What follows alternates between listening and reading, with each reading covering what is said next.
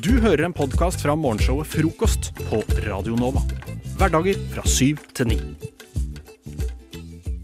For to uker siden, Lisa, så tok jeg det steget og slettet Tinder. Jeg slettet Tinder, er ikke å finne der mer. Og da var det ikke bare snakk om at jeg sletta appen. Jeg sletta hele brukeren, brukeren som jeg har hatt i to år. Eh, jeg bare sletta alt, rett og slett. Hva er det som har skjedd nå, Tinder-kongen? Tinder-kongen. Jeg uh, uh, basically rage-quitta Tinder, faktisk. Men er det noe som, som skjedde? Ja, det er det. Jeg var altså uh, Nå hadde jeg vært uh, Det var en venninne som kom til Oslo for å ta tatovering. Uh, og så etter tatoveringa så Ja, så tok Etter tatoveringa så tok vi og gikk og fe skulle feire med en øl, ikke sant? Mm. Så vi tok en øl på Fyrhuset på, på, på, på Løkka. Og så, når vi sitter der og pilser, så ser jeg ei jente komme inn Mm. på Fyrhuset. Skal, eh, og så har hun med seg en fyr. Denne jenta er ei jente som jeg selvfølgelig har matcha med tidligere. Mm. Vi hadde hatt en god, lang samtale tidligere i våres. Eh, vi snakka kjempelenge, og så bare tok jeg aldri steget på en måte og spurte henne ut. Mm. Og der kommer hun inn, vet du, med en annen fyr. Mm. Og da, da tar jeg meg sjøl bare sånn derre Fy faen, jeg sa det til venninna innom meg også. Faen, ass, det er hun som jeg hadde, var skikkelig keen på å spørre ut, men som jeg aldri jo spurte ut. Så bare tok jeg bare opp Tinder, og så gikk jeg bare inn, og så bare sletta jeg brukeren min. Ja, litt, var du litt lei av uh... Jeg var i utgangspunktet lei av Tinder fordi jeg har jo åpna det, det har gått til et punkt på en måte hvor jeg åpner Tinder. Jeg kan åpne tre ganger i løpet av en time. Det er Mm. ingenting som har skjedd. Ingen matcher. Det er ingen som har skrevet til meg. Det er ikke sånn at jeg har interesse av å skrive til noen. Men da innså jeg det. Bare sånn shit, hva er vitsen? Ja. Hva er vitsen? Nå har jeg den Faen, ass! Da ble jeg liksom sur på meg sjæl. Jeg har to kommentarer. Ja. Kommentar nummer én. Jeg har matcha med den venninna di. Ja, ja, det, ja du, det har du faktisk. det, det har hun sagt òg. Ja. Eh, kommentar nummer to, to, to, to to. er at eh, jeg eh, føler den, ass. Ja. Det er, eh, det er ei som jeg snakka med i fjor, og vi dro faktisk ut. Eller jeg ba henne faktisk ut. Ja.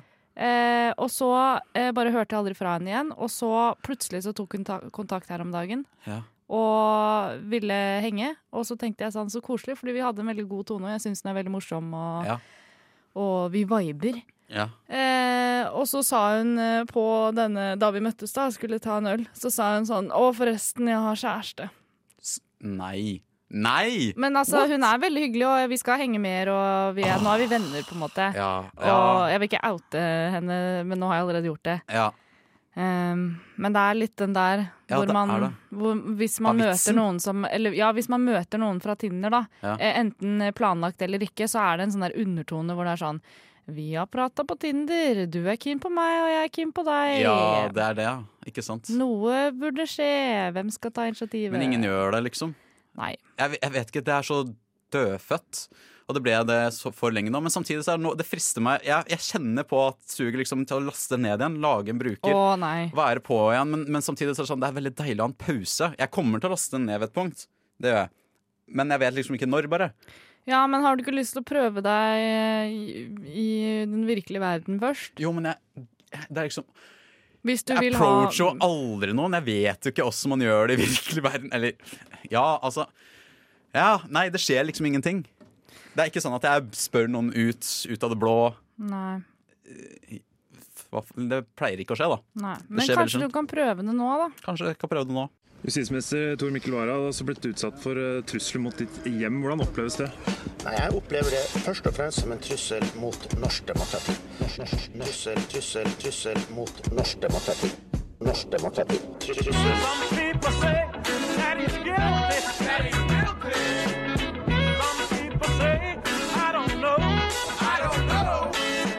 Frokost. Beskytter demokratiet.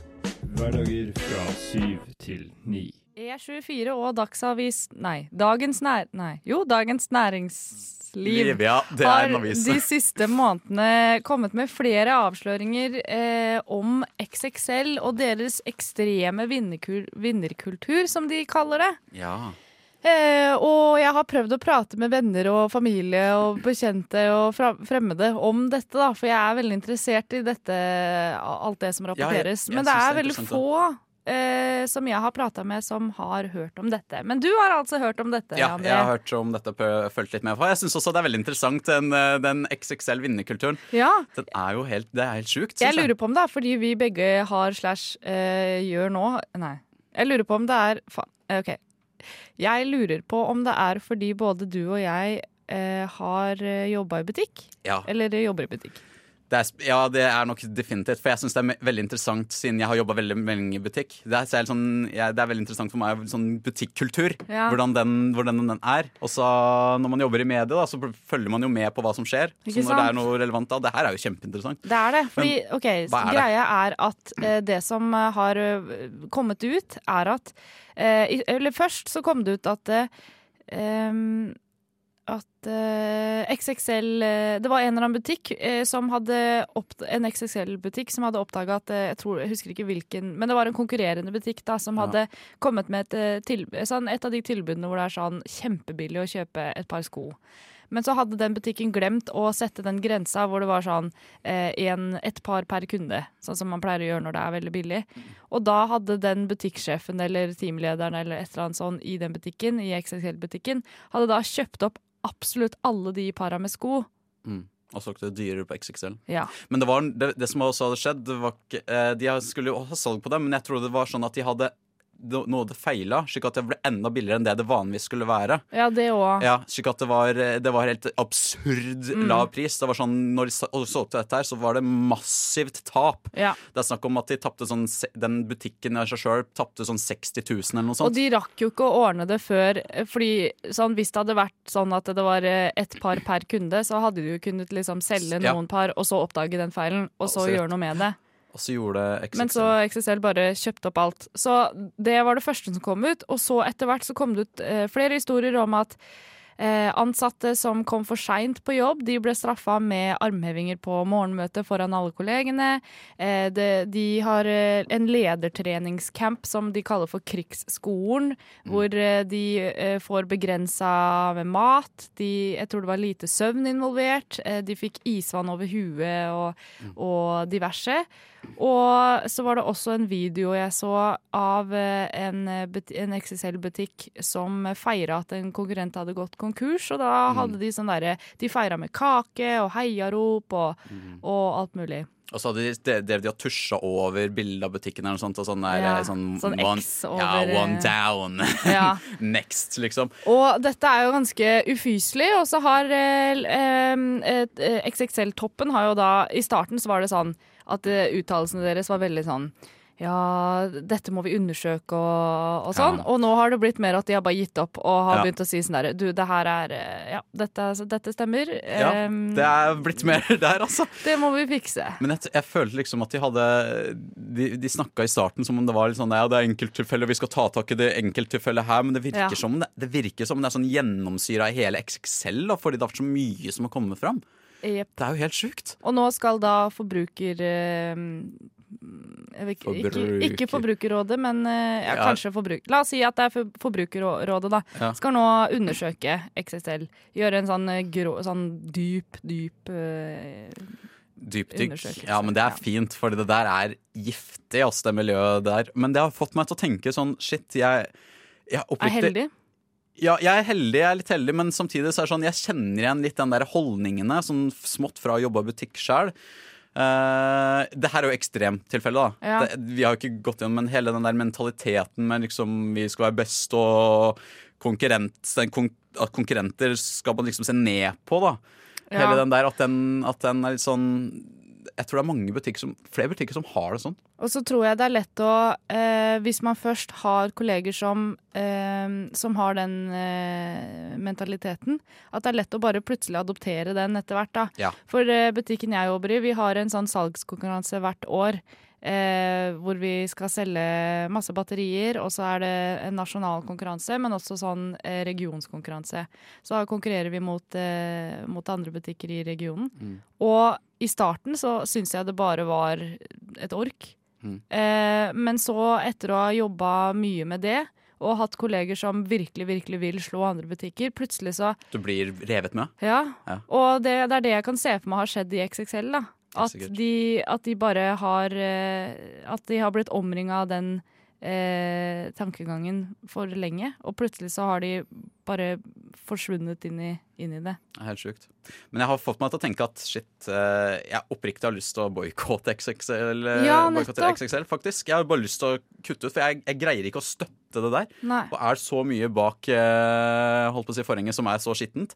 Det er jo så Da tenker jeg bare sånn Jeg, jeg, blir jo, jeg sympatiserer veldig med de andre sport, sportskjedene. da, Ja, mindre- men ikke minst de som uh, har jobba i XXL, som i, har vært imot denne uh, vinnerkulturen. Ja. At de, uh, den, den nyeste informasjonen som kom ut, var jo at de har drevet med sånn ikke bare prisjuks, men sånn ekstremt rar og omfattende prisjuks, hvor ansatte eh, ble oppfordra til å eh, gjøre umoralske ting. da. ja, ja. Og jeg kan bare se for meg at hvis jeg hadde jobba i en XXL-butikk og vært imot dette her, så hadde jeg jo gått rundt og bare følt på en eller annen sånn derre ja. sånn mm, Dette er jo ikke greit. Hvorfor gjør vi det her? Jeg kjenner igjen den der, altså. Men det er, ja, det er det, jeg håper det der blir uh, renvaska, altså. Jeg oppfordrer alle til å lese mer om det. Det er veldig interessant. det er det.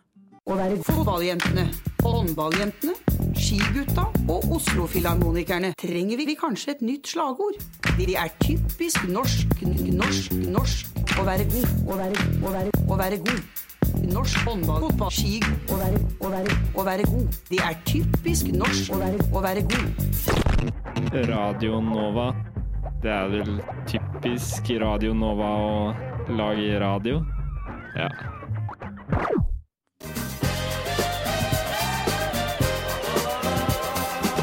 Stor. Tre for to. Så lenge lagerbeholdningen holder. Tær i frokost. Større. Bongo. Bongotrommer. Skittentøyskur. Egg og Gardindrapp. Lyslenker. Cheeseburger. Kaviar. Nagler og kors.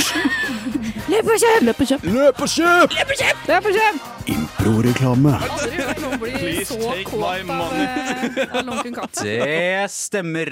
Impro-reklame, og det er spalten som er følgende. Vi gir hverandre et produkt eller tjeneste.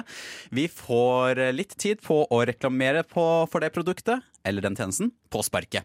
Det er rett og slett så enkelt. Det er On the kick, on the kick. som du pleier å si. On the kick, yes. Eh, og da tar vi det rett og slett på rundgang. Jeg håper dere har tenkt ut et produkt eller en tjeneste. Oh yeah, boy. Oh yeah, boy. Oh yeah, girl. Er dere klare? Jeg er klar som én egg. En egg, ja. Jeg er klar som Theis. Ja. Like klar som en egg, du òg. jeg tror jeg skal gi deg et produkt, uh, Theis. Yeah, boy. Yes, yeah, boy! Åh! Ja! Du skal, du skal faktisk reklamere for en eh, faktisk evigvarende evighetskule. Ja, ja. Såkalte jawbreaker. Kjære Marianne. eh, Vi har kjent hverandre nå i tre år. Jeg er blitt veldig glad i deg. Så går han ned på kne. Vil du gifte deg med meg? Å, herregud, Kjell.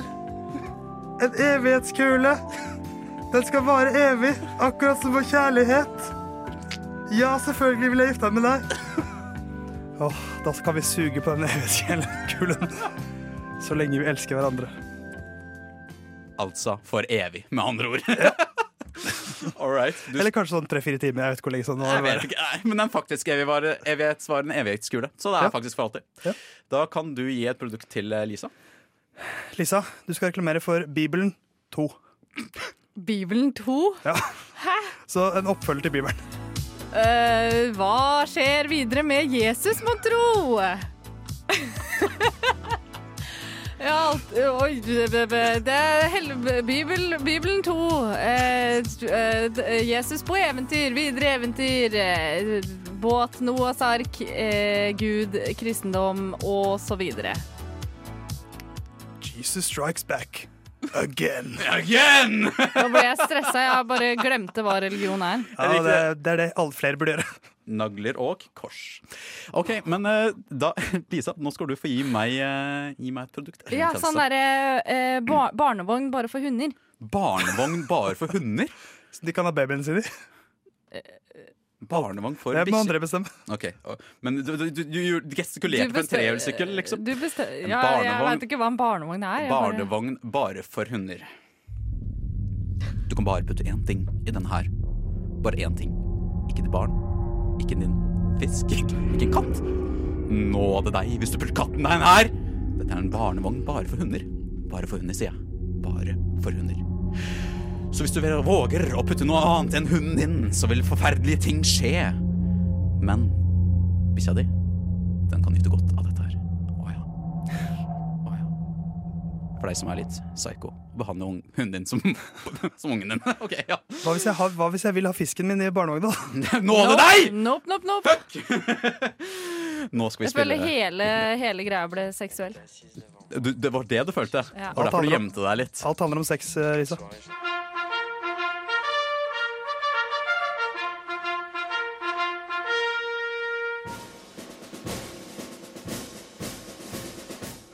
Morgen, mine medsoldater.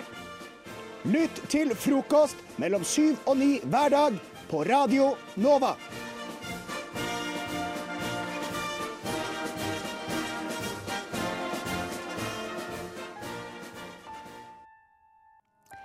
I to år snubler jeg rundt i en by jeg elsker, og som jeg er sikker på elsker meg tilbake. Jeg tror det er kjærlighet når Uber-sjåføren ber meg høflig om å komme meg på huet og ræva ut av bilen hans, når jeg plutselig er alene på fortauskanten bøyd over meg selv og kaster opp en tjukk signaloransje masse mens jeg sender kleine cry for helps i form av fylletekster til den første personen jeg finner i innboksen. Han spør meg om jeg har lyst til å elske ham, og jeg svarer at det kan du bare glemme. Ah, Lisa, du er så vanskelig noen ganger.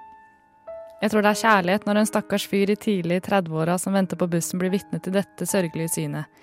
Et 21 år gammelt stankelbein ikledd svart hettegenser stjålet fra et mentalsykehus på andre sida av Golden Gate Bridge, som ikke har vært i nærheten av en dusj på sikkert en hel uke, og som klamrer seg til den fuktige studenttilværelsen uten å ha vært i en forelesningssal på to måneder.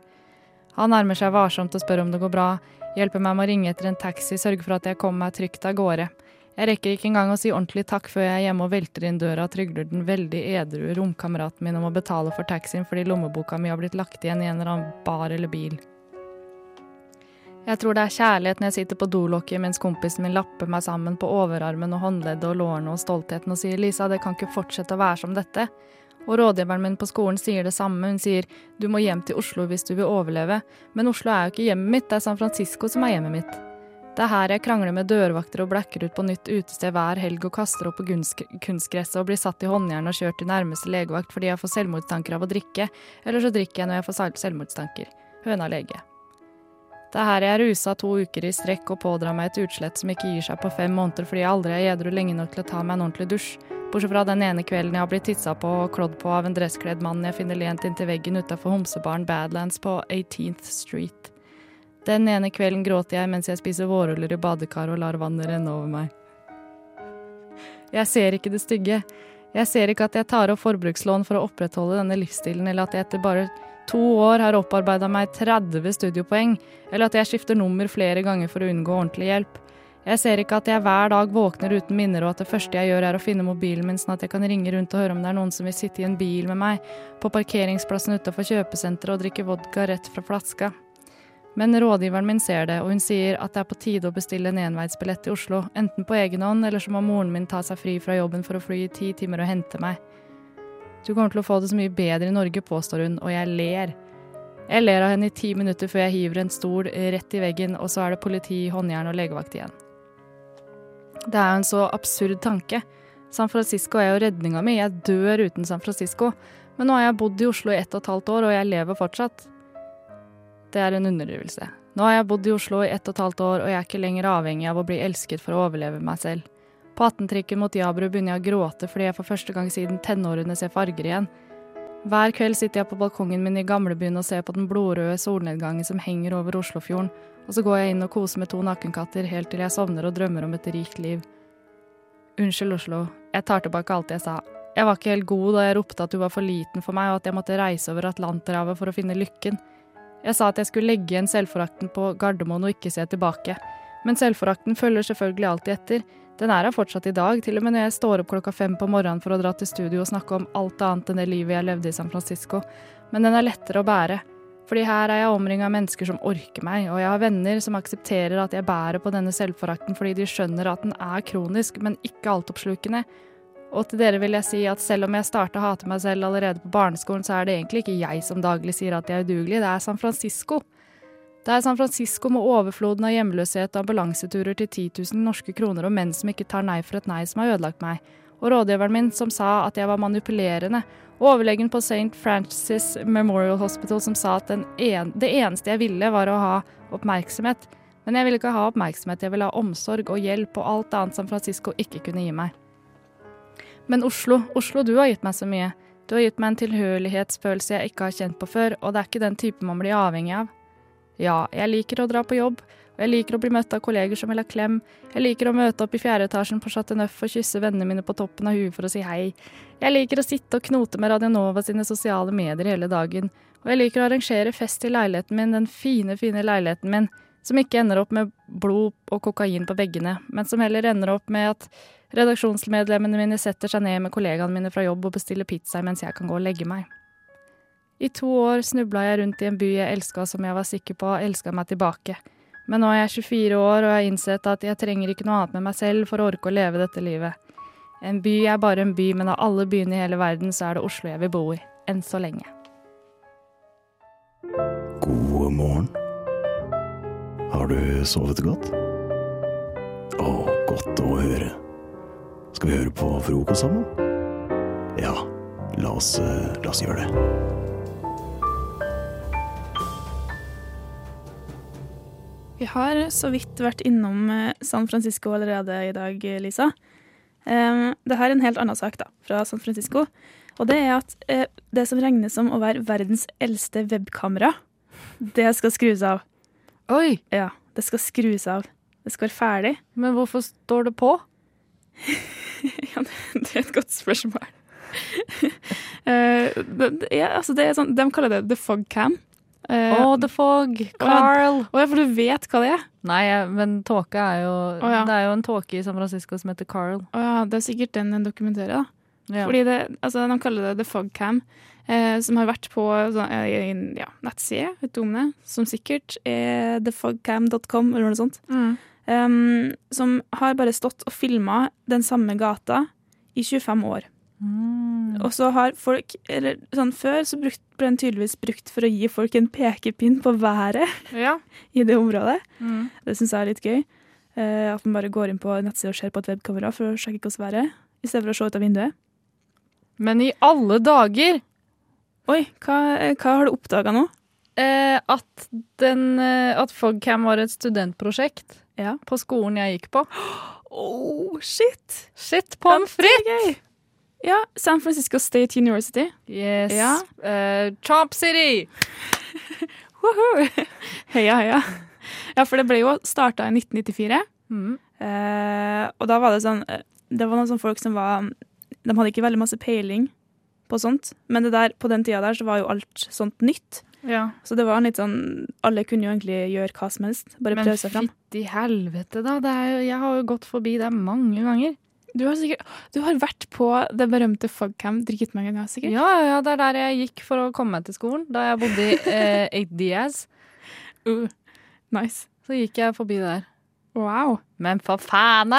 Ja, det er jo litt trist også. Det fins masse gammel footage av deg som går, som nå ikke vil være Sjangler bortover fortauet. Ja. Ja. 25 år har folk blitt filma gående forbi der. Hm. Nå skal det altså legges ned. Um, de sier at de ble inspirert av det som var eh, verdens eldste webkamera, som ble lagt ned i sånn 2001. Mm. Um, og tenkte at nå er det på tide å være ferdig med webkamera. Og det syns jeg er litt trist. Fordi eh, altså, jeg føler at det her markerer på en måte offisielt slutten på webkameraens tidsalder. Men er det så Jeg bare ser Er det så mange ressurser som Altså, er det så kostbart å ha det kameraet på? Nei, det er jo ikke det. Det bruker litt strøm, da. Men det er jo ikke det er Men hvor mye strøm bruker et, et webkamera? Eh, I forhold til andre ting i USA. Da jeg, var, da jeg var liten og, hadde, og familien min hadde stasjonær PC og et eh, eksternt eh, webkamera Mm. på toppen, det Mm. var ikke sånn at mamma sa du dere, nå er strømregninga litt høy, vi må plugge ut det webkameraet. Nei, det er sant. Men altså, det er jo noe litt annet å ha eh, he, altså fordi hele det systemet som webkameraet er kobla til, skal sikkert også skrus av. Men da må du jo si det, da. Ja, men, For nå høres det ut som det er en, høres det ut som du- det er en ledning som skal dras ut av veggen. Nei, da skal bare trykke Da skal høyreklikk på den webkamera-appen, og så trykke avslutt. Ja, kontroll, kontroll alt uh, delete. Ja. Tving avslutning. Mm. Ja, det er det han skal gjøre. Nei, Jeg regner jo med at hvis han først skal slå av kameraet, så skal han jo koble fra uh, alt som har uh, stått og gått og fått det der til å funke også. Hvis ikke så er det jo bare dust. Det er jo litt dust uansett, da. Jeg lurer på om det blir en sånn seremoni Mm. Avskjedsseremoni for The Fogcam. mm, Ja. på Humanities-bygninga Ja. på San Francisco State Chop City! Kanskje du skal dra i gang det her, Go her i Oslo? En sånn uh, solidaritetsaksjon, minnestund for uh, Fogcam. Eh, demonstrere utafor Stortinget. Mm, for eksempel. Eller bare sette seg eh, på ja, utenfor Stortinget på en kveld, tenne telys, og så ha sånne bilder fra hvert år fra The Fogcam. Kanskje du er på et av de bildene. Det håper jeg, for det hadde vært litt uh, koselig. Så rest in peace, eh, kjære Fogcam. Frokost. Vi hjelper deg å bli kvitt morrabrødet. Hverdager fra klokken syv. Frokost på Radio Nova. I sommer så har jeg, sånn som jeg gjør noen ganger i året, tatt tog eh, til Trøndelag. Og hjem igjen til Oslo.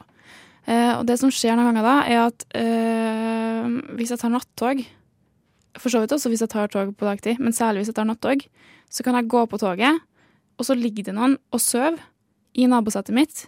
Men de ligger ikke bare i nabosetet sitt, nei, nabosetet mitt, de ligger også i det som er mitt sete. Mm. Med sovemaske på, eh, og ligger og åpenbart er i dyp søvn. Ja. Og da ble jeg sånn eh, For det første, la oss etablere hva er da lov å gjøre? Er det da lov å vekke dem? Selv om det kanskje sånn er ledige seter eh, andre plasser i vogna? Jeg vil si at eh, det aller meste er lov, bortsett fra eh, seksuelle eh, ting Okay. og voldelige ting. Ok. Ja, men det er fint at du eh, klargjør at vi utelukker akkurat det. Ja. For det, det hadde jeg egentlig tenkt å gjøre, men da kan jeg drite i det. Mm. Men ok, Så det er lov å liksom sånn prikke noen på skuldra? Og si 'unnskyld'! ja, ja, fordi det, det lurer jeg også på. Hvordan gjør man da det på en sånn litt sånn skånsom eh, måte mot vedkommende? Vet du hva, jeg må skille mellom hva man skal gjøre og hva jeg gjør. Mm. Eh, hva man skal gjøre, er jo å prikke dem på skulderen og, og helt til de våkner og si 'unnskyld, eh, kan, jeg, kan du flytte deg litt?' Eller 'unnskyld, eh, jeg skal sette meg her'. Eller 'unnskyld, du Ja, nei, nå, nå blander jeg igjen. ja, ro deg ned, liksom. Åh, det får masse å tenke på. For jeg hadde jo selvfølgelig eh, ropt. Eh, ja, du har, du har bare du, har- altså, du har tatt av Hvis den sitter med headset, da, for eksempel, Mm. så hadde du flytta headsetet vekk fra ørene. Ja, jeg hadde hadde- revet det av. Ja. ja. ok, du hadde røska deg av hodet og ropt så høyt du kunne. Unnskyld! Du Fjerne sover på setet mitt! På setet mitt. OK, jeg vet ikke om jeg ville gjort det, men det jeg har tenkt på når jeg er i de situasjonene, er uh, for det første om jeg skal vekke vedkommende og si fra. Mm. Og også sånn hvilken måte har jeg lov til å gjøre det på? Fordi det jeg har lyst til å gjøre, um, det er heller ikke en sånn rolig prikk på skuldra. Unnskyld, jeg vil gjerne sitte i det setet her, jeg. Mm. Men jeg har veldig lyst til å gjøre en sånn klassisk sånn uh, typ eh, Legg krem i hånda på vedkommende, finn fram ei fjær fra sekken min, for jeg har jo alltid ei fjær i sekken, Mm. eh, som jeg vifter i trynet, og så håp at liksom, det man håper skal skje da, skjer. Ja. At de slår hånda i trynet med krem, liksom. Ja, jeg ble litt bekymra for sånn eh, 20 sekunder siden da du snakka om å gjøre det på en sånn skånsom måte. Da tenkte jeg sånn Hæ? Anniken, verken, verken du sånn, det, Dette er ikke den Anniken jeg kjenner. Nei, og det er det ikke. Men nå med. at- Nå, nå Ja. hører jeg For deg. det jeg tenker er at det, det er det jeg føler jeg burde gjøre, sånn for å oppføre meg som et normalt menneske. Men sånn for å oppføre meg som meg, så har jeg mer lyst til å gjøre, altså, ta frem ei fjær eller ta frem en pinsett og så nappe av et hår fra hodet. Håper at det gjør vondt. Og at han våkner av det. Nå, nå begynner jeg å Ja, nå går det litt nedover igjen. Ja, nå blir det for sært. Ja, nei, det blir ikke for sært. Det blir litt for uh, sånn Nå skal jeg være en bad boy. Hva skal jeg finne på nå? Hi-hi-hi. Vet du hva, jeg tar en pinsett. Napper ut ett hår fra hodet hans. Hva hvis jeg tar tre hår? Er det bedre da? Nei. Nei, det er verre, kanskje. Det eneste, den eneste gangen jeg har vært i den situasjonen, eh, men da satt personen eh, eh, ytterst, og jeg skulle sitte innerst. Ja, så du måtte forbi. Ja. Mm. Og et vanlig menneske hadde jo da prikka og sagt 'unnskyld'. Mm. Men eh, jeg bare eh, tok et bein og hoi over ham, sånn at jeg sto med skritt i ansikt. Og så våkna han selvfølgelig og tok av seg sovemaska. Ja. Så skritt i ansikt. Ja, Og da sa jeg bare 'sitt helt stille'. og så klatra jeg over og satte meg. Ikke noe sånn 'unnskyld, eh, jeg vil ikke vekke deg', eller eh, Sitt helt stille. Ja. Sitt helt stille. Ja, hadde, hadde, altså, hva, kan du beskrive ansiktsuttrykket ditt du hadde? Var det sånn dønn seriøst, som om hvis du rører på en muskel nå, så skjer det noe med deg? på en måte? På en måte, for jeg var så um, La oss si at du Ja, hvis du ser for deg at, at man er veldig irritert da, for at du, er, at du må gjøre det her, mm. uh, og man gjør den derre Den derre Ja. greit. Den oppgitt uh, ja, Ja. mine. Så det var, jeg hadde den fortsatt i ansiktet Ja. eh, da jeg skulle si det. Ja. Men jeg mente jo egentlig å liksom være litt sånn eh, Bare sitt helt stille, du. Hvis du skjønner hva jeg mener. Sånn, Bare fortsett å sove, du. Jeg vil ikke plage deg. Ja. Jeg syns det er rått, rått å gå fra det til, å, til en sånn der sitt helt stille. Mm. Fordi det Ja, det, det skal jeg ta med meg videre, Lisa. Og kanskje stjele det neste gang. Fordi det har jeg lyst til å gjøre. Oi, er du her? Jeg vet ikke hva du lette etter, men jeg tror ikke det var her du skulle. Hvis du scroller nedover siden, så finner du helt sikkert Frokost på Radio Nova.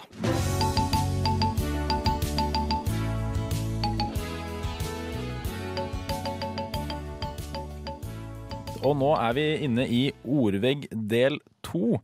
Det er en lek der vi eh, En lek. Det er folkeopplysning. Alternativ folkeopplysning. Vi skal rett og slett informere du som hører på om eh, hva ordtak som du trodde kanskje det bestod betyr, hva de egentlig betyr. Eh, og jeg pleier alltid å være en av de som ikke kan noe som helst om ordtak. I dag har jeg lært meg ett, og Christian skal lære meg ett. Og Ja. Er du klar for å lære meg et ordtak eh, først? Det er jeg, og det du ville få litt eh, mer opplysninger om, det var tett i skolten. eh, Som er en betegnelse som har sitt opphav fra husmorskolen i Toten i 1920.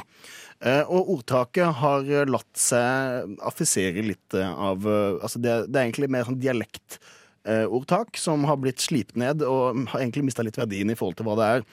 Eh, Vi skal inn i kjøkkenets rike, der ordtaket handler om Det var tilknytta en eksamen der disse husmødre måtte, repra, måtte repra, reparere en kjøkkenartikkel, som da var en ødelagt bolle.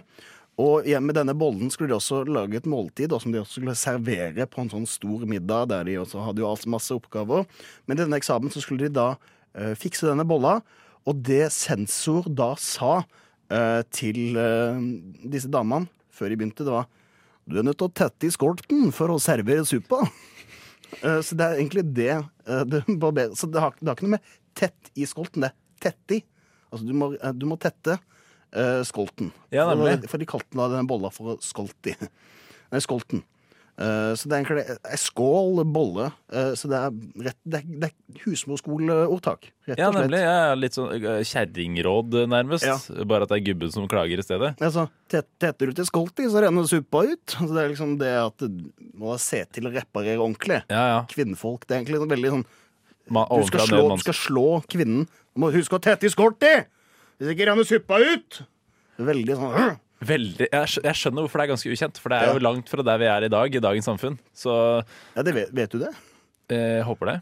Jeg håper jeg vet det. Jeg håper jeg vet det. Men, eh, men da, ok, takk for at du uh, lærer meg ting. Og det var litt befriende å høre, for jeg var redd for at tett i skolten var veldig likt uh, tjukk i huet, som er, Ja. som, å, å være tjukk i huet, som er da det ordtaket jeg har lært meg. Eh, siden sist. Veldig barneskole. Jeg har lært meg ordtak, og jeg har lært meg ordtak. Og det, jeg tenkte jeg kan forklare det tjukke huet-begrepet nå. Ja, da, Eh, jeg føler meg litt som en sensor nå, og så skal Ja, ja. Du, nå skal du opp til, til uh, ordvegeksamen. Ja. Åh, åh, ble jeg nervøs, da. Åh, shit. OK, jeg bare prøver. Um, for det skjedde jo i det ottomanske riket på 1400-tallet, det vet vi jo. Ja. og det var jo historien om da sultan Mehmed, Mehmed den andre av Konstantinopel ble statsoverhode. Eh, og det var, veldig, det var en veldig usikker tid, og makten i landet kunne skifte når som helst. Og, og Mehmet hadde kjempet hele livet for å bli eh, lederen i eh, MPI-et eh, i, i landet og, og alle Altså i hele det store. Men han hadde alltid holdt kortene sine veldig tett til brystet. Og han gikk jo med turban, selvfølgelig. Han som alle andre som ønsket å bli statsoverhode. Det måtte de jo. Eh, og grunnen til det var jo for å skjule hodet fram til valgdagen. Og så plutselig sto han der på valgdagen sammen med sine to motstandere, Mustangfa og Merkel. Og de står der og, og har, legger fram sakene sine, men ingen bryr seg om egentlig det de har å komme med. Det eneste de bryr seg om, er eh, selve avsløringen. Så Merkel går først, tar av seg turbanen, og alle gisper og sier 'Å, det var et stort hode'. Det var et stort hode, det. Men før han rekker å få eh, applaus, så kommer Mustangfa og tar av seg sin turban. Å, det var et stort hode, det! Å, det var et stort hode, sa folkemengden. Men eh, så var det Mehmet sin tur. Han håpet at det var nok. Han hadde tatt anabole steroider hele dagen og gjort og, og alt som trengtes for å få hodet til å poppe skikkelig. Så tar han av seg ett lag med turban, og alle gisper. Han er tjukk i huet, han! sa folk. Og det er jo rett og slett, ja. Så der kommer altså ordtaket å være tjukk i huet er da eh, hvis du er godt egnet til å være leder i et land, er det det har blitt sånn eh, passed down til da, nå i senere tid. Hvis du, er, hvis du er godt egnet til å være en leder, så er du da tjukk i huet, rett og slett. Du får jo selvfølgelig toppkarakter på dette, for du har fått med alle detaljene. Og eh, det at du også framfører det på denne eventyrmåten, som det nå skal gjøres, er også det er i boka, så det er ikke noe annet valg enn at her Altså, du er egentlig klar, du, nå, til å begi deg ut i eh, ordveggens landskap og Yes! klatre oppover der. Og du kommer til å tilnærme deg masse kunnskap eh, neste perioden. Det kommer til å bli en eventyrlig reise.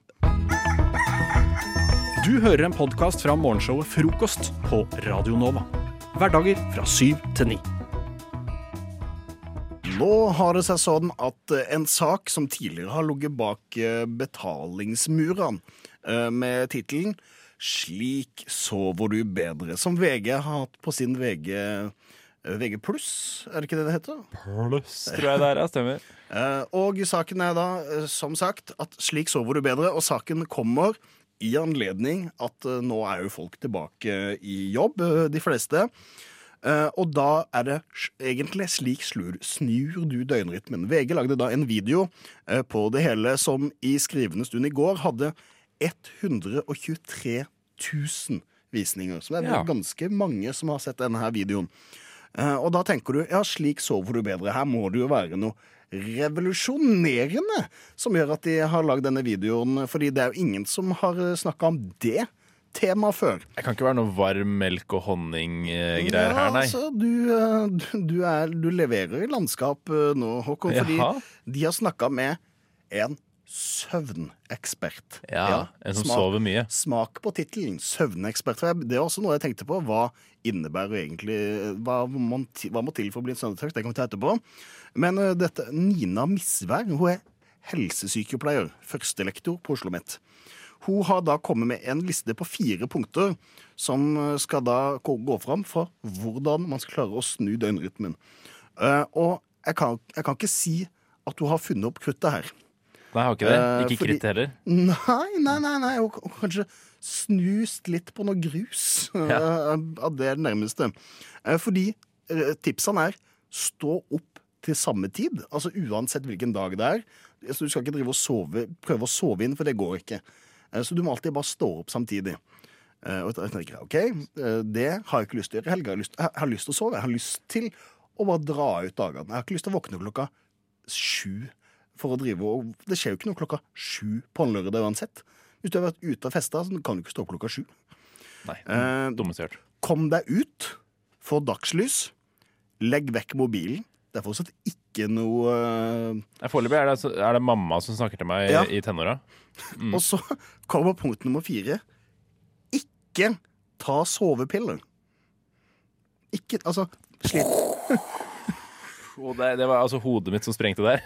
Vanskelig å se på radio. Eh, Fordi, Nemlig. Fordi det er, det er jo ikke noe Altså Hvis du sliter med å sove, så må du få lov til å ta de sovepillene. Det er sånn Nei, du sliter med å sove. Ja, men Da bare drit i sovepiller. Du får ikke snudd øynene liksom, hvis ikke.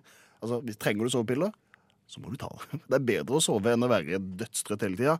Og så kommer kanskje det mest eh, spreke tipset. Skriv søvndagbok. Ja Altså dr drømmedag Nei, Eller nei, nei, nei. Når- du våkner, så skal du kjenne på Ja, mange timer sov jeg i dag? Hvordan føles det å våkne? Ja, altså, ok, Føler meg på en skala fra én til ti. Føler meg seks av ti uthvilt i dag. Eh, Sov syv timer og sto opp til samme tid. Og så, for i denne boka kan du da angivelig gå videre med til en eh, når du skal, Hvis du skal analyseres for din søvn, om du trenger søvntabletter eller noe sånt som du ikke skal ta, Nei, eh, så kan du vise til dagboka for hvordan du føler det. Eh, Så det tenker jeg at det er vel mest revolusjonerende, men det er jo ikke revolusjonerende i det hele tatt. Nei, men Nei, det, er ikke revolusjonerende, det er det ikke, men det er i hvert fall noe jeg ikke har hørt før, da. Ja. Så det, det, kanskje det er noe man skal prøve. Kanskje jeg skal prøve det sjøl. Jeg er ikke flink til å sove, føler jeg. Tror du Eh, hun kan bare legge seg ned på puta og så sovne òg? Ja, sikkert hun har skrevet så mye dagbok vet du, at hun, det er ikke noe problem. Men jeg lurer på tips fire. Står det, uh, står det uh, 'ikke ta sovetabletter' som om de var Mentos? Eller som om de var Tic Tac? Nei, det forbeholdet har hun ikke tatt. Nei, nei, ok, Så det er konsekvent ikke ta sovepiller? Ja, ja. Altså. Hmm. Bastant punkt. Og så uh, kommer det siste hun sier i den videoen, det er uh, når du skal sove, ikke tenk på at du ikke får sove. Ikke bekymre deg. Så sover du godt og står opp til samme tid neste dag. Så hvis du ikke får sove, glem det. Bare sov. Det er så fornektende, og det er Altså, Jeg lurer på hvordan hun gjorde det på soveeksamen. At hun bare liksom Altså legger de seg ned på en madrass, og så bare Ja, hvor lang tid tar det før vår søvnekspert sovner nå? Ja, ett minutt? Ja, det, det holder til en femmer, det. Eller eh, B. Jeg tror øh, litt i humorøyemed, men jeg tror nesten det er sant, at det er kanskje den eneste eksamen der det kan være en fordel å forsove seg før eksamen. Kroppsleiven, du er på luften, kroppsleiven. Vær så god. Du er på luften. Ja, takk. Du hører på frokost på Radio Nova. Og budet på tre millioner går første gang. Annen gang salg. Jeg selger to og en halv banan, pent brukt 400 blå venstresokker til 200 kroner. Skal gi bort den jævla gneldrebikkja til naboen gratis ved henting. Selger mitt kjære engangskamera, kun brukt én gang. Tørrlagt vannseng ønskes kjøpt. Assas-uniform i veganerskinn. Prinsessepult i vinkel. Skal du virkelig selge den? Ja, Skal du virkelig selge den, er uh, veldig uh, ved sin rett i dagens utgave av øh, Funn på Finn, som er det vi er inne i nå. Uh, vi skal rett og slett høre Jeg skal egentlig bare høre med deg, Kristian. Eh, tenkte vi skulle være litt kjapp i dag. Jeg Ja. har bare eh, Jeg har ikke irritert meg så heftig. Kanskje litt, men, øh, men det er mest fordi jeg, jeg blir fort irritert. Det er ikke du som er ufinista på Instagram? Nei da, nei da, nei da, men det kunne kanskje vært. Jeg har bare et spørsmål. Er det nødvendig å selge dette greiene her? Er det nødvendig? Ja, og da eh, Første ut er fra herr Nilsen. Eh, han heter Nilsen, da, men jeg legger Ja. på herr, for det er gøy. Eh, hva, du skal få et forsøk, og hvis du er i nærheten, Ja. så får du et poeng. Hvis du er litt i nærheten Jeg har veldig bred paraplybetegnelse for nærheten her nå. Mm. Hva tror du Nilsen selger på Finn? Jeg føler herr Nilsen det er, et, eh, det er rett og slett et lite hint. At eh, hvis det er nesten herr Nelson, så er et lite apebur. Ja, det er faktisk selv med tatt i bred betegning bred, bred omfang, så er det ikke nærme nok. Han selger noe, og da er neste spørsmål er er det vits å selge det her? Ja. Han selger etiketter slash navnelapper til å ha i jukebox. Jaha, ok. Altså, han selger sangbeskrivelsene til å ha i jukebox. Hans Jaha. Hvorfor uh, gjør du Jeg merker jeg blir litt irritert, jeg. Hvorfor, hvorfor skal du selge det? Det er jo ikke gitt at de jævla sangene du har i din jukebox, hvis du først har en Ja. jukebox, har disse nevnte lappene. Uh, kan jeg, tør jeg stille opp for et spørsmål? Er det liksom sånn at eh, Ja, denne låta av Madonna, den ble gitt ut i den Er det, sånn lapp? Uh, nei, det er, det er sånn Madonna med eh, Lady Madonna, holdt jeg på å si. Altså, jeg angrer på at jeg sa Madonna, for jeg kommer ikke på en eneste Madonna-sang nå. Jeg, jeg, Like music, music, music like a virgin. Jeg kommer på flere hvis jeg tenker meg om. Madonna med music, for eksempel. Da. Det er det som står Noe som du kan Ja. bruke Ja, en er laminerings- eller sånn maskin til å bare skrive ut Madonna like a virgin. Det er lappene. Han selger de lappene. Ja, de eh, må, Du må være så veldig interessert for å Altså, du må elske jukebox Ja. for å rett og slett ha lyst på det der. For det er, det er kun lappene der det står artist øverst og låt under. Eh, og eh, som han skriver, mange etiketter navnelapper til Jukebox selges. De fleste har maskrins- maskinskrevet tittel. Noen få har skrevet med kulepenn. Ja, Det er han sjøl som har gjort. Ja, det, da er det jo null verdt. Ja, Det er en løk som har skrevet eh, artist og navn Mm. på låt med kulepenn. Så det var første. Mm, Men blodtrykk. nei, det burde ikke være for salg. Nei, det burde ikke være for salg. på, på lukka Facebook-gruppe. Altså nei, ikke Facebook-gruppe, men det må bare lukka sånn forum på internett. Men da får vi høre hva du syns om, uh, eh, om produktet til Søgni Gloppestad, da, om det er noe Ja. bedre. Gryteklut. Og der får du poeng. Uh, det er i bred For jeg føler det her, jeg føler det her er uh, Gryteklut Jeg føler det kom på samme tida som produktet. Veldig bredt omfang. Eh, men det som selges, er skomakerlest. Det er bred Veldig er ja, ja. bredt poeng. Men det skal mye til for at du får et poeng her, når det er, så, eh, når det er såpass eh, ja, spesifikke svar. Skomakerlest, ja, men altså, det er jo uh, Altså, det er mange skomaker, var det en sak jeg leste her for et år siden. Sånn, det er det 20 skomakere igjen. Sånn totalt sett. Ja, så, ja, det er jo dødt. Helt uh, meningsløst. I Norge i hvert fall, ja. Altså, Nei, jeg tror ja. de, eneste som kan være interessert i å kjøpe en skomakerlest, det er, et, det er en eller annen amatørteatergruppe som skal bruke det til en oppsetning. Og så tenker de ok, vi trenger en skomakerlest fordi vi skal sette opp Jul i Skomakergata, kanskje. Ja, Eh, og da trenger de en skomakerlest. Og de kommer ikke til å kjøpe den. De kommer til å spørre hei, vi er en fattig teatergruppe, kan vi få den gratis? Så sier hun nei, for det skal jo selge den sentimentale verdi. Den skal hun tjene 200 kroner på, som er det hun har prisa denne til. Åh. Nei. Men eh, Da må det være bedre kvalitet. ja, jeg liker beskrivelsen, da. Bæl, uh, uh, Fredrikstad. Bæltung skomakerlest. Selges. Skal du kjøpe Bergto skomakerlist, da? Kan brukes til mye rart. Dørstopper, blomsterpresse, papirvekt, smykkeholder. Ja. Eller bare til dekor. Men ikke til sko. Så det er uaktuelt. Nei, sikkert ødelagt, da. Det Nei da, den er bare tung og rusten og gammel. Eh, men eh, siste er Du skal få lov å gjette. Ja. Og her står det for øvrig også eh, Jeg skal forklare det etterpå, men det står Nilsson her også. Men det er ikke navnet på selgeren. Jeg vet ikke om det er et hint, jeg. Da går jeg for apekatt igjen, da. Det går for apekatt igjen. Det Ja, det blir- det Ja, det, da, det blir for mye om meg. Altså, det, går ikke. det blir dessverre ikke poeng her. Eh, fordi det står Grunnen til at det står Nilsson, er fordi det står Det er bilde av et eh, kort, bankkort, der det står Lill Eller Lill, da. Lill Nilsson på. Fordi Harald Selger stjålet kredittkort. Lill Nilsson.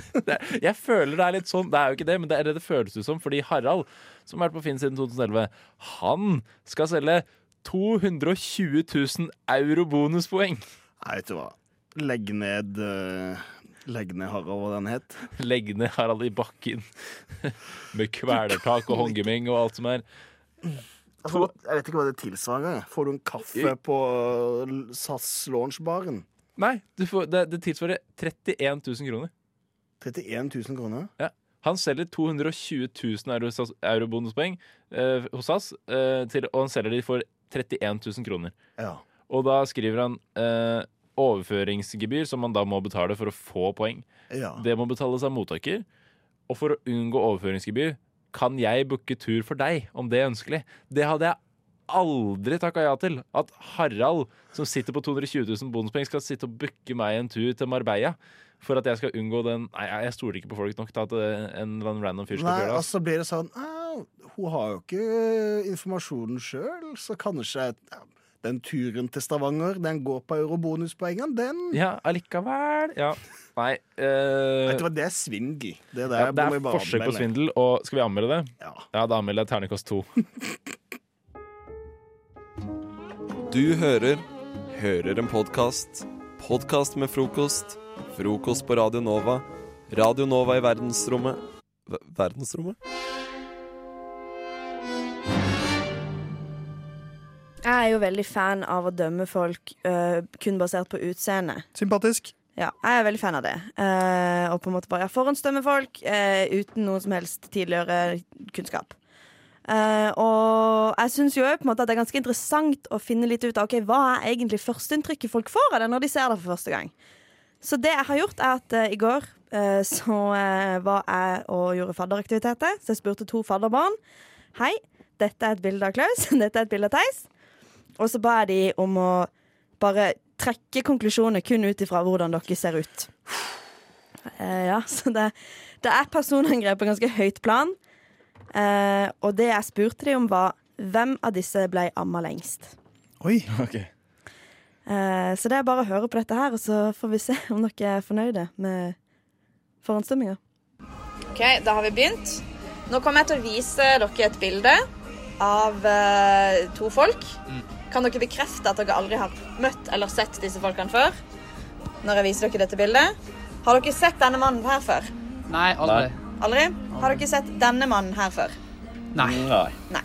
Så bare for lytteren der hjemme, nå har jeg vist et bilde av Theis og Klaus. Mm. Så ut ifra hvordan disse to menneskene ser ut, Ja. hvem av disse ble amma lengst? Å, fytti. Altså, hvem ble amma av sin mor lengst? Altså, det er Theis eller Klaus? Ja. OK, men jeg tror det er Klaus. Du tror det er Klaus? Nei, Jeg vil også gå for Klaus. Ja, men du ser det på blikket hans. Hvorf- hva, hva, hva spesifikt er det med blikket? Nei, så det er noe med liksom Når lyset skinner så ned sånn, og det liksom lyser opp det hvite i fjeset, da, så er det tydelig hvem som liksom har fått Jeg vet ikke, lengst bryst... Jeg vet ikke, Hva tenker du? Nei, Han ser jo yngst ut, hvis eh, det er lov å påpeke det.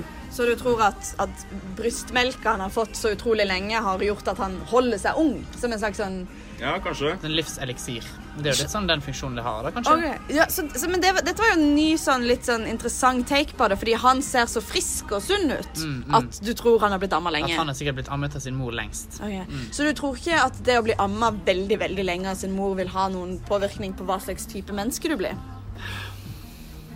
Jeg vet ikke, Hva skulle det vært, da? Nei, si det. Det er jo ikke alltid positivt å se yngst ut heller. Nei, det, Sånn uh, Førstemann eh, var det Theis. det er Theis. Han ser jo litt sånn eh, sjølberga ut og eh, litt skjegg og Ja. ute, ute blant folk, mens eh, Klaus ser ut som at han har gjemt seg, gjemt seg bort litt. Kanskje litt hjemme i mammas hule, ja. Se her, ja. Okay, Han ser litt mer ut som en mammadalt. Kanskje litt. ja. Theis her, han har jo da skaffet seg sol og, og kanelbolle, eller skillingsbolle. da. Så Mm. Han ser skikkelig sånn nasjonalromantisk og jeg vet ikke, tradisjonelt maskulin ut, da, kanskje? Ja, mens, mens Klaus er litt mer pinglete, Hjemme. hjemme, litt mer lyssky, Ja, kanskje. mammagutt. Ja. Ja. Eh, Theis ser kanskje ut som at han ble satt ut i skogen som da han var to, eh, kanskje, mens Ja. eh, Klaus eh, ammet, liksom. slapp Ja. kanskje ikke ut av huset før sånn ved sjuårsalderen. Og det var da han òg ble slutta å amme. Ble amma. Ja. Han var sju da Det han må ha vært seinere enn det. Åtte. Ni? Ni. Ni-ti? Ni-ti. 14? Ja. Vel, jeg kan bekrefte at det er rett. Klaus ble amma til han var 14. Ja. Theis vokste opp i skogen. Vi så det. Jævla dritt! Nasjonalromantisk, selvberga. Åh, er, jeg er så fornøyd. Noen skal dø.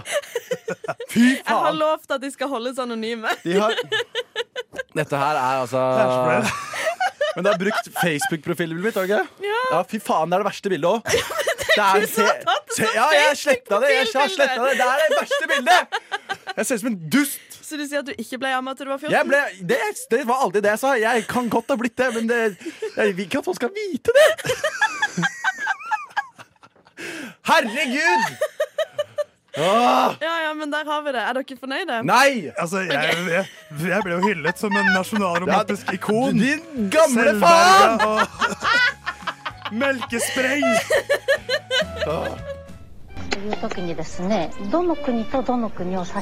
Du hører en podkast fra morgenshow og Frokost mandag til fredag på Radio Nova.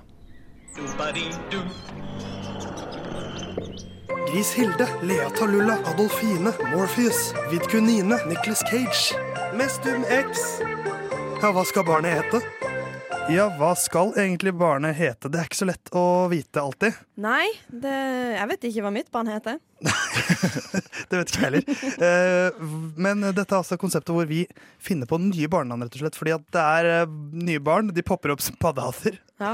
Og de trenger navn, og man vil ikke kalle barnet sitt noe som eh, har en negativ association ved seg. Theis, Eller noe som alle heter. Ja, nei. som for eksempel Hedda. Æsj. Eller Theis. Ja, eller Klaus. Som er ditt navn, Klaus. Ja, det går Eh, og måten vi gjør det på er Vi gir hverandre en utfordring og eh, to bokstaver. Ja. Og så skal da den, den personen som får utfordringen, bare komme på med det første navnet. Som popper opp i hodet som en paddehatt. Ja. Eh, og da, siden jeg er så godt i gang, så tenkte jeg at eh, Klaus, du kan få en utfordring. Ja. Eh, fra meg. Og jeg tenkte at eh, jeg er jo veldig glad i film. Så jeg vil at dine, dine barn skal være barn og navn som passer inn i Star Wars-universet. Så jeg vil ha sånn Star Wars-navn. Ja. Uh, så du har ikke lov til å si Anakin eller Luke.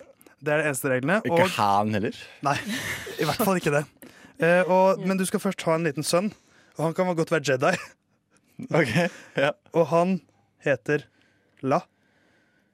Lasersverd. Hva altså, men altså, hvis, han, hvis han heter det på engelsk, så kunne det vært sånn uh, Did you know that uh, the character Lasersverd uh, means lightsaber in Norwegian? Oh my god, that's so sick. I can't believe it. Ja.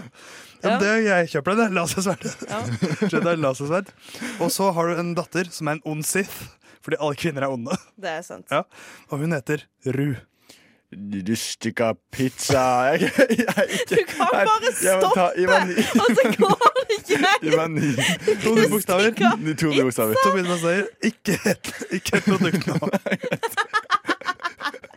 Prøv å ikke si Grandiosa når jeg gir deg bokstavene gr. Greie. Jeg skulle si grusomme meg. Da blir det grei. Da blir det uh, Jedi lasersverd og Sithen grei. Did you know that grei means kind in Norwegian? But she's actually an evil character. But is it means so that crazy, she's probably good in, on the inside, you know, deep down there. It's like foreshadowing for the last movie, when she oh turns my good. god. Eh, nå må vi prøve å reise kjerringa. Ja, Så kan ikke du reises. gi meg en utfordring? Jeg skal gi deg en utfordring. Ja. Um, jeg vil at du skal gi uh, et, Altså, navnet skal være til det barnet du har av en stor flokk av barn. Ja. Det ene barnet du ikke liker. Er det gutt eller jente jeg skal ta først? Uh, gutt. To bokstaver må jeg få, okay. Ah, altså, dette barnet du Du kan ikke si det høyt, men helt innerst inne hater du den ungen. Og det er gutten da. Prøv. Prøv. OK.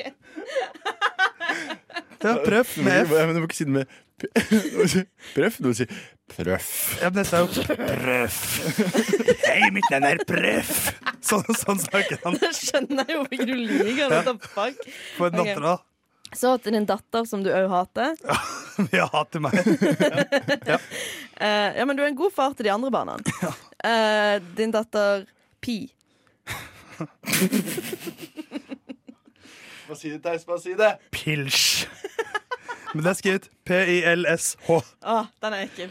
Pilsj. Ingen legger pilsj. Så mine to drittbarn. Prøff og pilsj. jeg, trodde, du skulle si pikk. Ja, jeg Ja. trodde også det, men jeg, jeg, jeg, jeg, endret mening. Ja, men det Eh, da er det Hedda igjen. It's me again. Du skal få av meg. Um, det skal rime denne gangen. Fuck. Skal rime på flamingo. Vet du hva, OK? Ja. Mm. Eh, du skal først få en gutt. Ja. Eh, to første bokstavene der er eh, as. Aspingo. Karakterer Pingo-universet. Aspingo. Aspingo. Ja. Ja, Og så skal du få en jente også. Ja. Eh, la. Lai Fantafilco. Rimer ikke. Det er sånn Pippi Langstrømpe-ord. La, la Fantafinco. Jo. La Fantafinco. Ja, ord- ord, hun. La Fantafinco ble forlatt Da- av meg og vokste opp på et sirkus. Hun er egentlig min datter, men jeg hater henne intenst. Vi har seks nye navn. Det er to hvis du heter George Lucas og skal lage Star Wars. Da foreslår vi Jedien Lasersverd og Sithen Grei. Mine to barn de hater jeg. Det er Prøff og Pils. Og så har vi eh, flamingobarna Aspingo og Leifantinko Eller hva faen det var.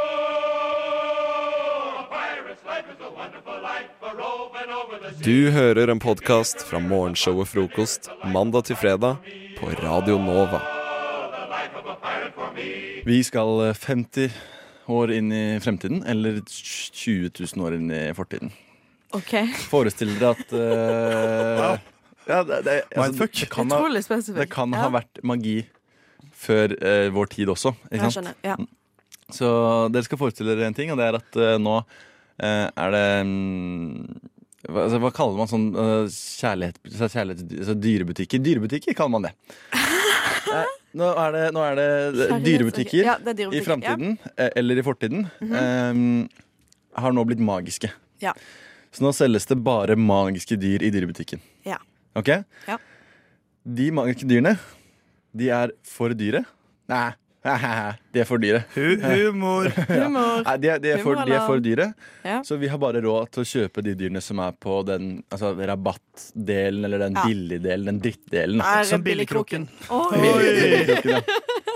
Eh, hvilke dyr ville man funnet i billigkroken på den magiske dyrebutikken? Jeg kan komme med et eksempel. Okay, ja. En hund som når den røyter, så blir det automatisk en ny hund.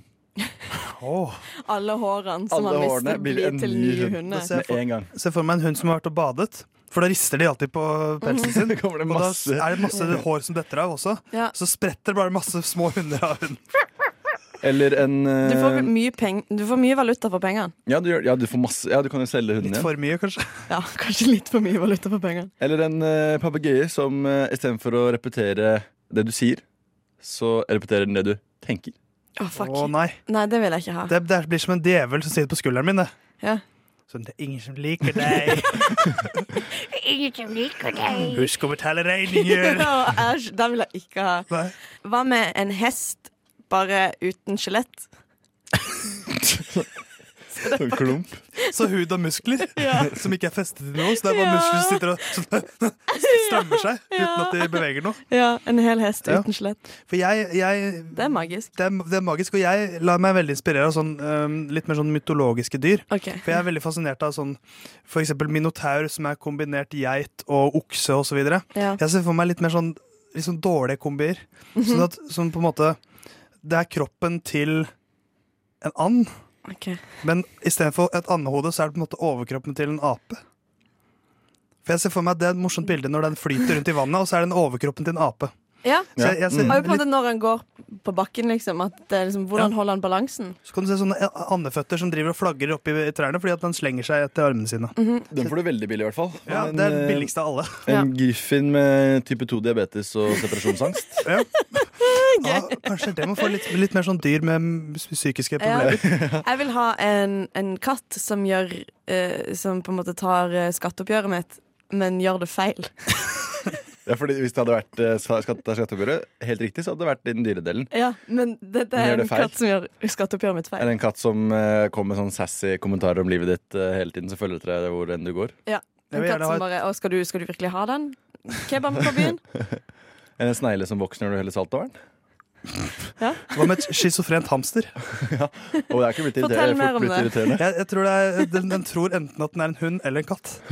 Ja. Så Men den da har, det er de, de, de Tre to dyr igjen? personlighetene. Tre dyr igjen. Ja, men den tror, den, er, sånn, ja. den tror ikke at den er en hamster. Den er helt sikker på at Å den nei, er en enten katt eller hund. så hvis du spør den, så er den to dyr. Men vi andre ser jo en hamster. Ja, jeg skjønner. Men uh, En liksom vis uh, ugle som bare forteller deg sånn tilfeldig ubrukelig fakta. Ja. Ja. Sånn uh, mitokondrien er cellens eh, Hva er det man sier, da? eller, eller en eh, ugle som kommer med masse fun facts, fun facts men Ja. alle er feil. ja, eller bare en ugle som kommer med masse fun facts på fest, liksom. Ja. Ingen liker den ugle som kommer med fun facts på fest. Hva med en ugle som eh, spiller Wonderwall? Oh my god. Anyway, here's Wonderwall. Ja. Nei, jeg angrer. Jeg, angrer. jeg gjorde ikke det. Vi bare, rewind. En, eh, en, en, en hest som kan sp- spole tilbake tida, men Veldig på hest nå, plutselig. Jeg kan ikke så mange. OK, alle, ett et siste dyr, alle sammen. Okay. Hedda, du begynner. Uh, et, Ikke hest. et tusenbein som er veldig glad i, i sko, som bare vil ha Yeezys. Ah, OK, det blir dyrt. Ja. Hva med deg, Klaus? Oh, chihuahua uten tenner. Jeg går, for en jeg går for en flaggermus som er helt sikker på at den er Batman. Du har hørt en podkast fra Radio Nova. Likte du det du hørte? Du finner flere podkaster i iTunes og på våre hjemmesider radionova.no.